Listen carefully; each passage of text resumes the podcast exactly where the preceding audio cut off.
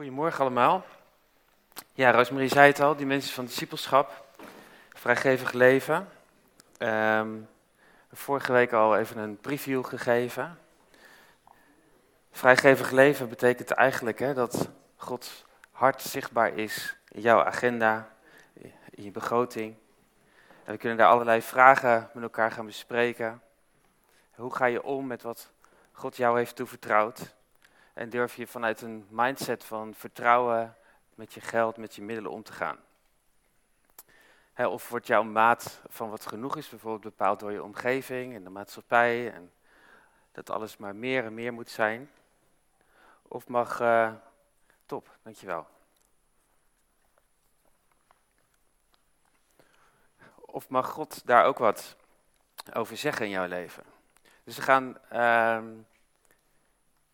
de eerstvolgende huisgroepavond gaan we met het thema aan de gang. En het eerste hoofdstuk, dat gaat over je tijd en andere middelen inzetten voor Gods Koninkrijk. Nou, ik weet niet of jullie de zwee gelezen hebben die ik uh, verstuurd heb vrijdag. Um, maar als je je tijd en je middelen voor iets inzet, dat kan je eigenlijk zien als een stukje investering. Um, en als je ergens investeert, dan verwacht je dat daar iets moois uitgroeit. Um, als je ergens geld in investeert, ja, geld op de bank zetten heeft niet zoveel zin meer tegenwoordig. Maar als je het investeert in een bedrijf of in, uh, in iets waar je vertrouwen in hebt, dan verwacht je ook dat dat gaat groeien, dat er iets moois uitkomt. En um, investeren heeft dus eigenlijk ook te maken met vertrouwen. Um, want anders ga je niet zomaar je geld of je tijd daarin steken. Dus voor investeren is vertrouwen nodig. En ik dacht dat het daarom ook goed was om vandaag, voordat we helemaal in uh, dat thema vrijgevig leven duiken, en alle dingen die we zouden kunnen doen voor God, uh, in zijn koninkrijk, om eerst eens stil te staan bij vertrouwen. Vertrouwen we eigenlijk wel waar we in investeren? Want anders kunnen we misschien wel iets doen en iets geven, maar verwachten we ook echt dat wat God wil doen, uh, dat er iets moois uitgroeit? Of hebben we daar onze twijfels over? Kijk, als we iets hebben kunnen leren van de economische crisis, is dat als, uh, als er geen vertrouwen is, dan blijft de hand op de knip en de economie die groeit dan niet. Investeringen blijven uit. Dus als vertrouwen ontbreekt, gaat geld niet stromen. Zo simpel is het. Dus vandaar dat we eerst over vertrouwen gaan hebben. En wat is nou vertrouwen? Um, een collega van mij die, uh, die is alpinist en die uh, beklimt uh, de bergen van Europa, zal ik maar zeggen. En als hij dan wel eens daarover vertelt, dan vind ik dat altijd heel erg mooi om te zien, hè, dus laat hij ook foto's zien en zo, hoe die dan hangt aan zo'n touw. Hè, dus een, een, een, klimhaak, die hakt hij in de rots en vervolgens lust hij daar zijn touw omheen. En um, kan hij zich omhoog trekken in sommige situaties. Maar het is ook een zekering dat als hij valt, um, dan valt hij in ieder geval tot zijn laatste haak. En dan blijft hij daar hangen. Dan kan hij weer omhoog klimmen. Maar zoals een alpinist zeg maar zijn klimhaak verankert in de rots, zo daagt God ons uit om Hem te vertrouwen met het volle gewicht van ons leven. En durven wij God te vertrouwen met alles wat we hebben, met alles wie we zijn, onze tijd, ons geld, ons bezit, onze gaven, onze talenten, noem maar op. als je niet ten diepste durft te vertrouwen op Gods regie en zorg in je leven, dan kom je eigenlijk helemaal niet toe aan vrijgevig leven. Dan maak je je zorgen om, uh, om tekort en of je zelf wel genoeg hebt. Het lukt dan gewoon niet om vanuit vreugde en vrijheid te geven. Dus nogmaals, laten we eerst stilstaan bij vertrouwen. Vertrouwen in God, wie Hij is, um, in wat Hij zegt. En ik wil dat vanochtend doen naar aanleiding van het verhaal van de bruiloft in Cana. Dat is een prachtig verhaal waar de wijn op raakt. En uh, ik weet niet of je wel eens een bruiloft geweest bent waar de wijn op raakt, maar als de wijn op is, is het feest over. Maar het is ook een verhaal um, over, eigenlijk over tekorten in, in het leven. Het is een verhaal over geduld, een verhaal over gebed. Een verhaal over gehoorzaamheid en een verhaal over blind vertrouwen. Maar het is ook nog een groter verhaal, wat op, op metaniveau eigenlijk het verhaal vertelt van God en onze wereld.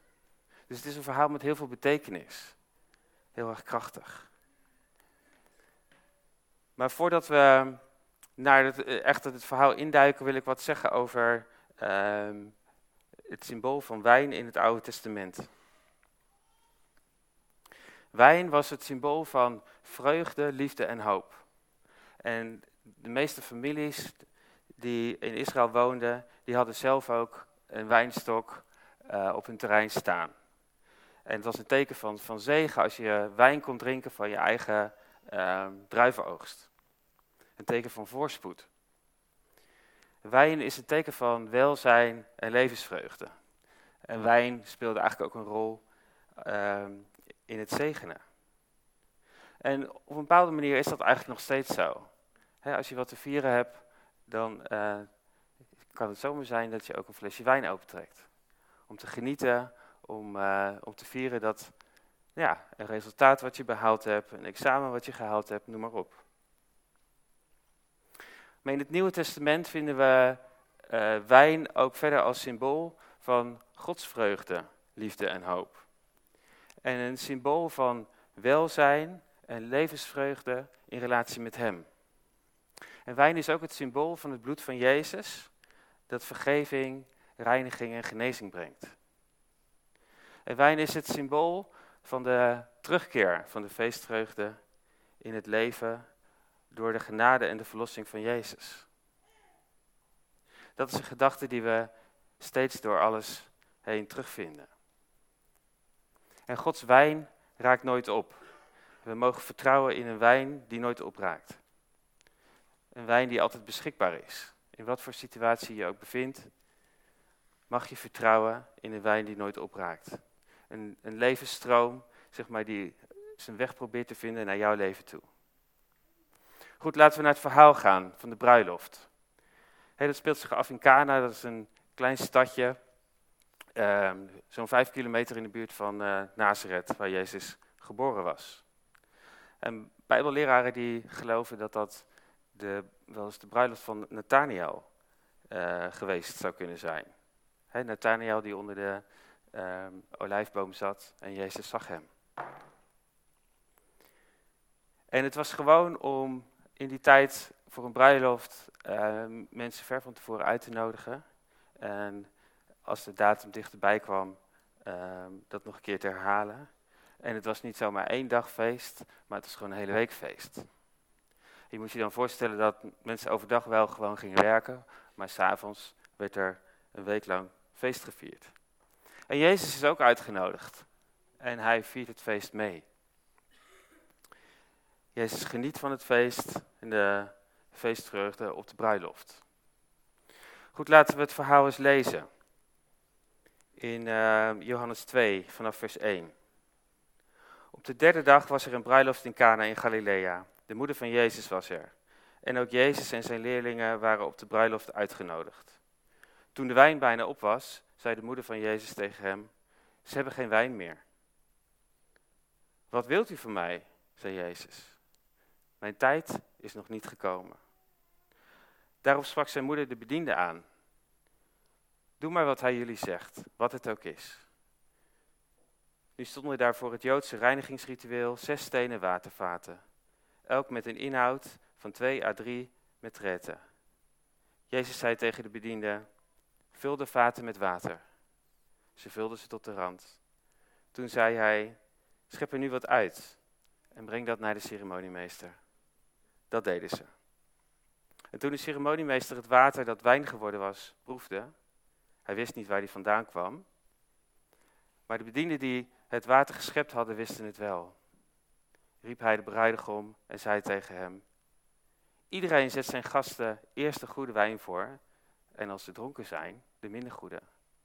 maar u hebt de beste wijn voor het laatst bewaard. Dit heeft Jezus in Cana in Galilea gedaan, als eerste wonderteken. Hij toonde zo zijn grootheid en zijn leerlingen geloofden in hem. Prachtig verhaal, heel compact opgeschreven. Maar tijdens het feest attendeert Maria Jezus erop dat de wijn opraakt.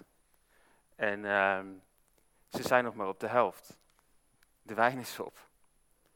En dat is iets wat ondenkbaar was in het oude Israël. Het is meer dan alleen vervelend. De wijn is op, de party is over.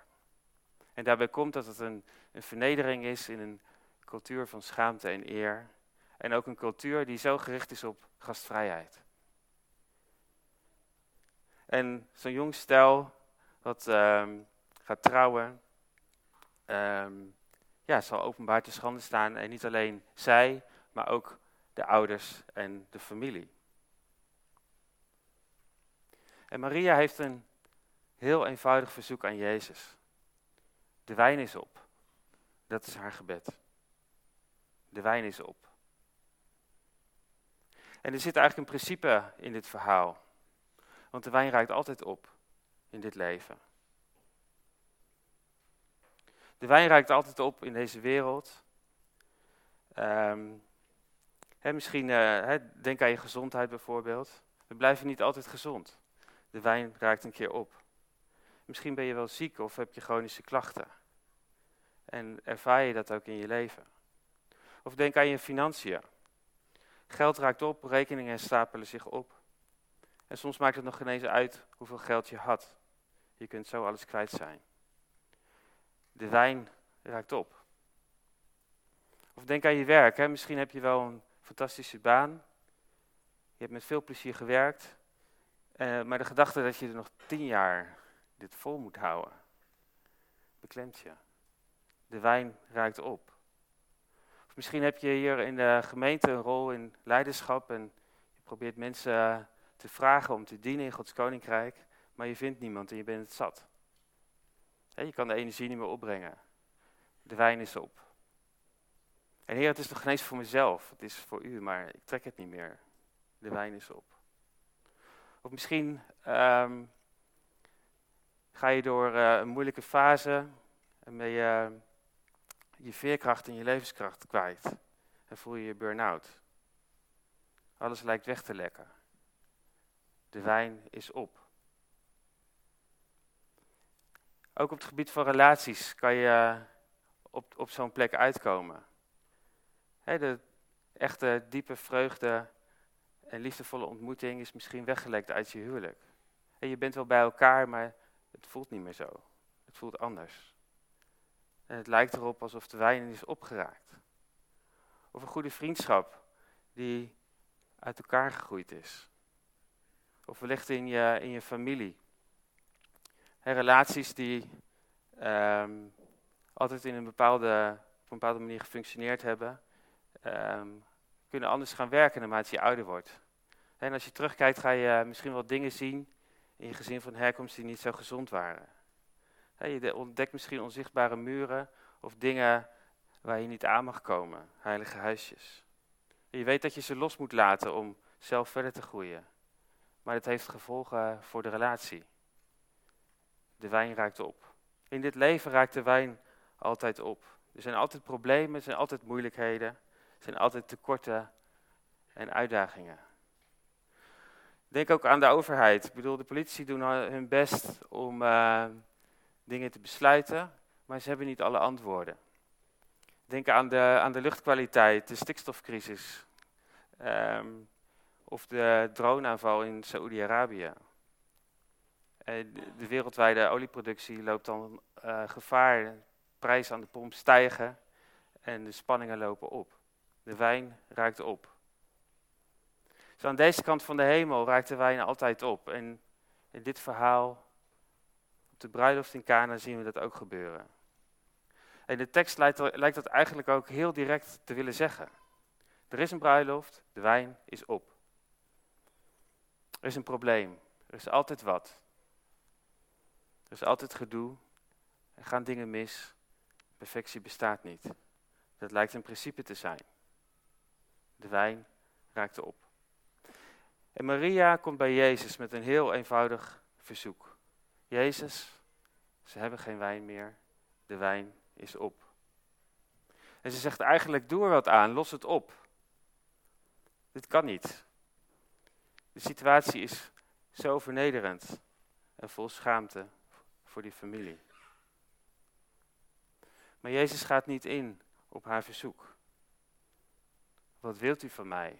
Mijn tijd is nog niet gekomen. En dat klinkt bijna als een afwijzing. Het is eigenlijk een nee. Wat doe jij als, je een nee ervaart in jouw leven? Wat doe jij als je verder niks hoort en alles donker lijkt? Nee. Heer, het is nog geen eens voor mezelf, maar de wijn is op. Heer, u, u moet iets doen. Dit kan niet zo verder. En van de week voor iemand gebeten waar het echt niet goed mee gaat. Um, iemand die zo'n beetje alle hoop heeft opgegeven. Iemand waarvan je kan zeggen, de, de wijn is echt goed op. Misschien herken je dat wel. Je probeert te bidden voor genezing of voor een doorbraak, maar er gebeurt niks. Maria komt bij Jezus, de wijn is op, dat is haar gebed. En Jezus zegt, nee, nu niet. Ingewikkelder is het niet. Nee. En wat doen we dan? Je misschien dromen of verlangens? Dingen die je graag vervuld zou zijn in je, in je, uh, zou zien in je leven? Dingen die je gevraagd hebt aan Jezus. Heer, doe iets. Waar is de wijn op in jouw leven?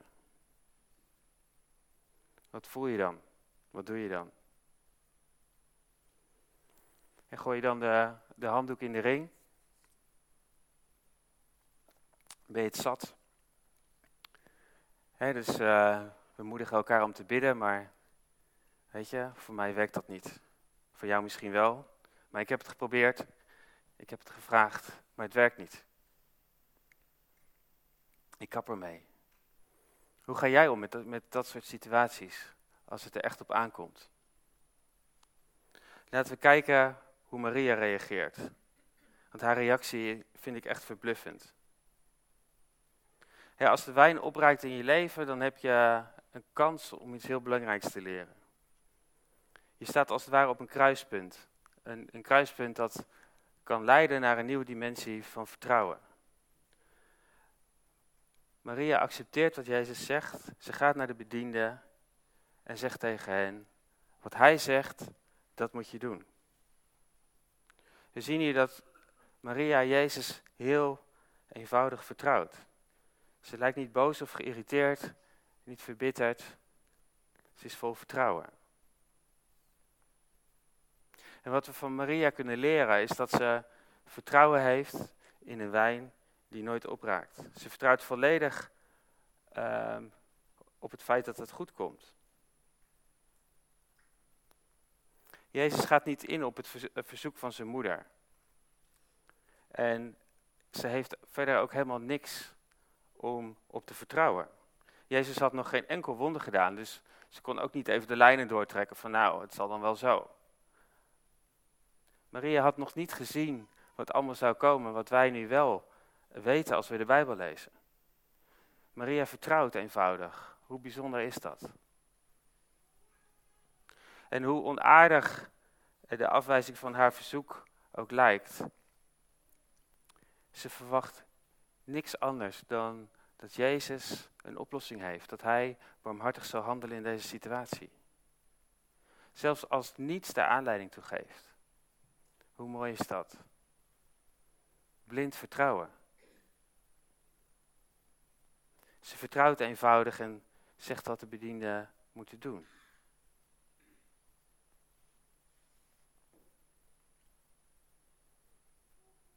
En Maria lijkt op de een of andere manier te begrijpen dat um, Gods wegen zoveel verder rijken dan de onze. En dat Gods gedachten zoveel verder rijken dan de onze. En wij proberen vaak chocola te maken van ehm, alles wat we omheen zien en we baseren onze verwachtingen eh, daar dan ook op. Een soort patroonherkenning van, eh, van het verleden en dat projecteren we dan op de toekomst. Maar Gods gedachten gaan zoveel verder. Er is zo'n groot gat ehm, tussen de wijsheid van God en de regie die Hij wil aanbrengen in ons leven. Met hoe we daar zelf over denken. En Maria lijkt daar geen probleem mee te hebben. Maria lijkt niet het uh, rationele onbegrip van de situatie als probleem te ervaren. Want ze heeft vertrouwen in haar hart. Dus wat ze met haar hoofd niet kan pakken, pakt ze door vertrouwen met haar hart. Ik vind het altijd zo irritant hè, eh, op, uh, op internet. Ze heb je van die algoritmes die uh, denken te weten wat je nodig hebt. Als je op websites hebt die reclame gebruiken. Ehm, maar je ziet dan altijd de dingen die je gekocht hebt, gaan ze dan aanbiedingen voor maken. dat is natuurlijk een beetje dom, dat is niet intelligent. Ik wil eigenlijk dat ik een aanbieding krijg voor iets wat ik nog niet gekocht heb. Maar zo werkt het kennelijk niet. En zo is het hier eigenlijk ook. Een algoritme is dom.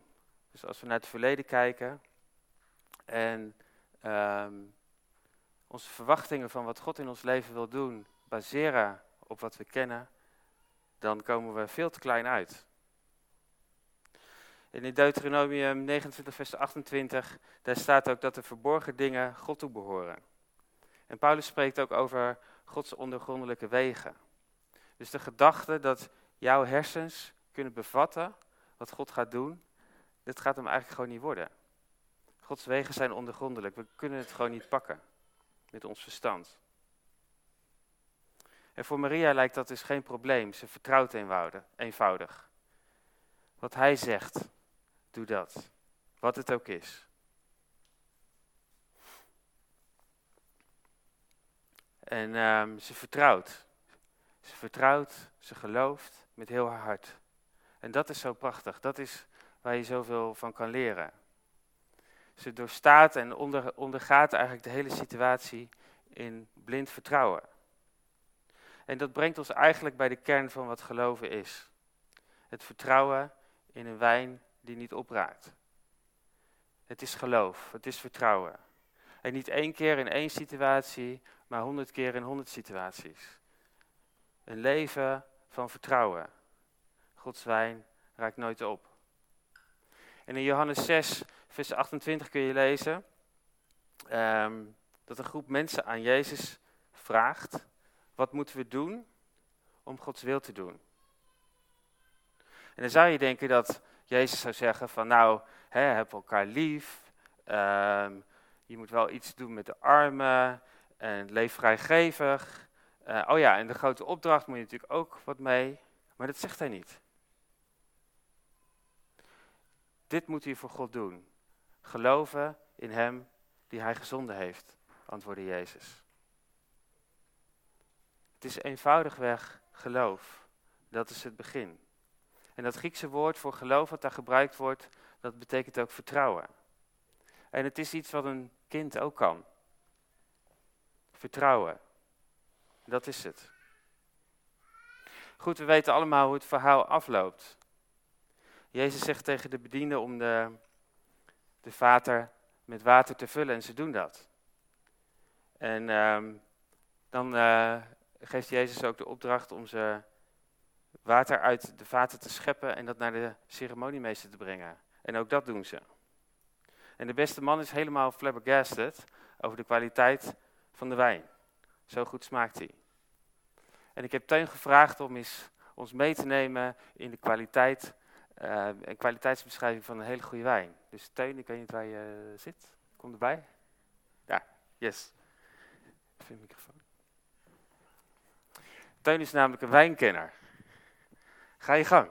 Ja, dankjewel Bram. Doet hij het? Ja. Ja. Um, ja, leuk om hier te staan. Heel ander gezicht zo van beneden. Uh, ik ga jullie meenemen in ja, wat voor mij een mooie wijn is. En om dat te doen wil ik jullie eigenlijk vragen om even je ogen dicht te doen. Even rustig te gaan zitten. En laat je gewoon meenemen.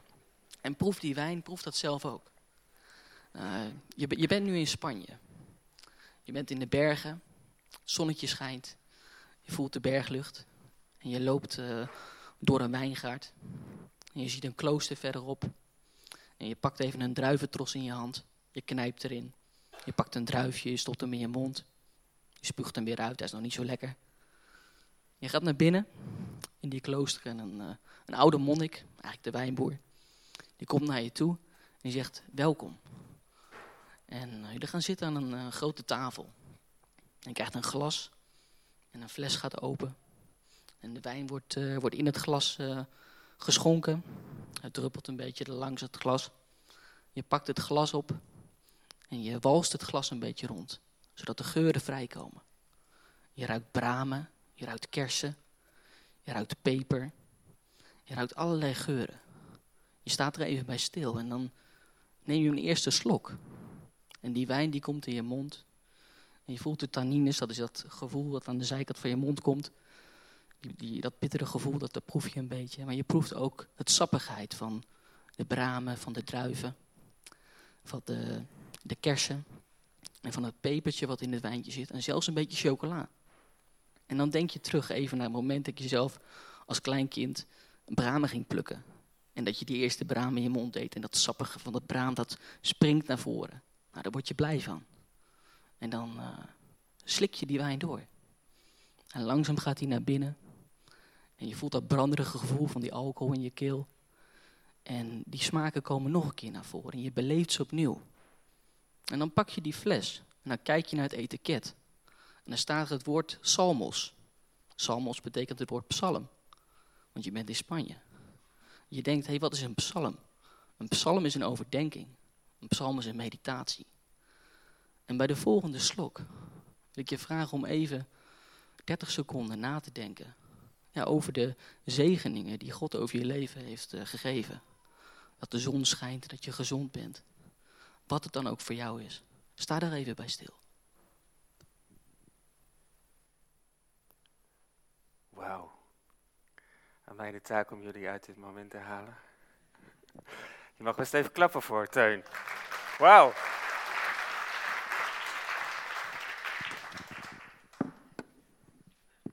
Zo smaakt een echte goede wijn. En dit was de best wine ever.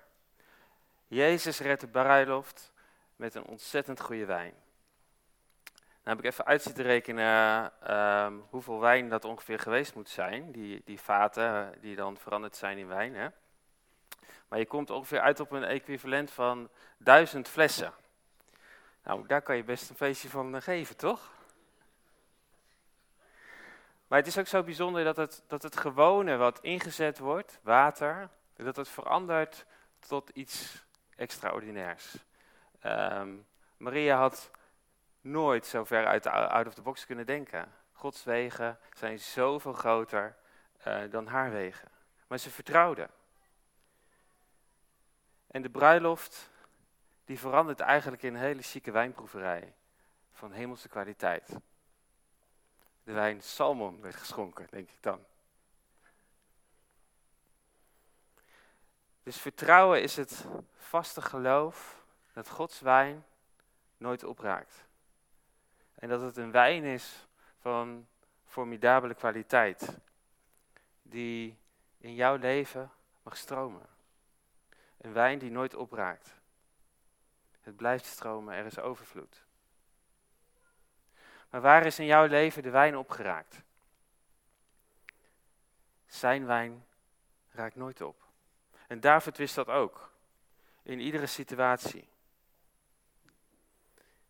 David schrijft in Psalm 23, vers 5. U nodigt mij uit aan een tafel voor het oog van de vijand. U zalft mijn hoofd met olie mijn beker vloeit over. Ook David vertrouwt op een wijn die nooit opraakt. Zelfs um, in gevechten. David begreep op de een of andere manier dat God hem uitnodigt om in moeilijke tijden, waar hij uh, moet vechten, om het glas te heffen. en Gods leven te ontvangen. Voor het oog van zijn vijanden. Dat is wat God voor ons heeft. En als, als de wijn opraakt in ons leven, dan kan je soms zo klem komen te zitten in, ehm, ja, in, in, in de scènes van je, van je leven, waar je dan niet overheen kan kijken. we, we vergeten de, de grotere verhaallijn die, waar God de regie over heeft. Net zoals in een, in een film je natuurlijk uh, ja, vrolijke scènes hebt en moeilijke scènes en gevechten en dat gaat allemaal heen en weer. En vaak eindigt het uh, mooi, toch? Beetje Hollywood film wel in ieder geval. Maar we kunnen zo gevangen zitten in, in het hier en nu. Dat we niet vertrouwen in een wijn die nooit opraakt. Dat we niet meer vertrouwen in de goede afloop. En wat doen we dan? En gaan we de situatie forceren? Heer, als u niet helpt, dan uh, kap ik ermee. Ik geef het op. Als dit niks gefixt wordt, als, als dit niet gefixt wordt, dan heeft mijn relatie met u ook geen zin meer. Nee, dan gaan we er heel erg uh, randvoorwaardelijk in zitten. Of ik wil, ik wil eerst antwoord en dan pas ga ik wat doen. Of uh, ik wil het eerst begrijpen en ik wil het zien en dan zal ik volgen. Ik wil eerst een antwoord op mijn gebed. Want anders dan, uh, dan gaat het niet werken. En hoe reageert Maria? Ze wordt niet boos of verbitterd. Ze antwoordt in vertrouwen. En door dat vertrouwen zit Maria niet opgesloten in de scène van haar eigen leven. En door haar vertrouwen um, brengt Jezus haar naar een hele andere afloop die ze nooit had kunnen bedenken, nooit had kunnen voorstellen. En we zien ook dat de scène die we in dit verhaal zien van Maria's leven, dat die veel groter is en dat zij een onderdeel is van het verhaal van God met deze wereld. Dat had ze nooit kunnen bedenken. En als wij nu naar het verhaal eh, kijken, dan kunnen we zien uh, dat die verhaallijn niet alleen over haar ging. Jezus zei, mijn tijd is nog niet gekomen. En pas in de hof van Gethsemane zien we dat dat moment wel daar is. Als Jezus tegen zijn vrienden zegt, in gesprek met zijn vader, Vader, nu is de tijd gekomen. Toon nu de grootheid van uw zoon. Dan zal de zoon uw grootheid tonen. Dan is het de tijd. En Jezus bloed vloeide om voor ons reiniging, redding, vergeving, genezing en bevrijding eh, te bewerkstelligen. Hij heeft de, de machten van de duisternis overwonnen, die het feestje van deze wereld aardig aan het verstieren waren. De wijn raakt op in deze wereld. Maar is er een wijn van zeer goede kwaliteit die nooit opraakt? Er is een levensstroom van vreugde, van zegen en een wijn van zeer goede kwaliteit. Die ons geserveerd wordt voor het oog van onze grootste vijand. Dus wat er ook gebeurt, vergeet in jouw leven nooit het glas te heffen. Gods genade, Gods wijn raakt nooit op. Dus mag Gods grootheid zichtbaar worden in jouw leven, waar jij vertrouwt op Hem. Dus als, je, ehm, als we nadenken over vrijgevig leven van de week in de huisgroep, um, laten we dat dan doen vanuit het besef dat, dat God te vertrouwen is. Dat Hij een plan heeft met ons leven en dat alles wat we doen voor Hem geworteld is in relatie met Hem. Mogen we God beter en dieper leren vertrouwen en leren van deze lessen die Maria eigenlijk ons laat zien. Ik verlang ernaar om, om God meer te vertrouwen dan dat ik nu doe. Ik verlang ernaar om grotere dingen te zien, om Gods grootheid te zien ook in deze gemeente. Waar we het vorige week ook over hadden. En geloof is daar de sleutel. Laten we niet kijken naar het verleden om onze verwachtingen van de toekomst op te bepalen. Maar laten we eenvoudigweg als een kind geloven. Laten we God uitnodigen. Kom, Heilige Geest. We nodigen u uit in al die plekken in ons leven waar de wijn opraakt.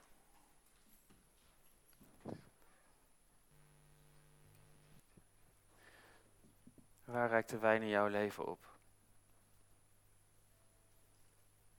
En Heer, we, we kiezen ervoor om, om U te vertrouwen. Heer, help ons om, om die stap te zetten, om dat te pakken.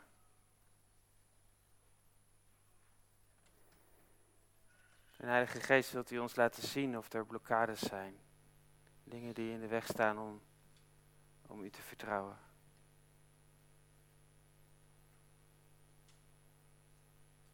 Heer, wilt u ons laten zien als we op een bepaalde manier voorwaarden stellen? Als er pijn en teleurstelling is, dat ons in de weg staat. Heer, giet uw olie van genade in onze, onze wonden. In onze tekorten, in onze moeilijkheden. Heer, geef ons de moed om ons uit te strekken naar wie u bent en wat u gedaan heeft wat u voor ons wilt doen. Heer, help ons om ons uit te strekken naar een een wijn die nooit opraakt. Help ons om in die dimensie van vertrouwen te stappen en geloof.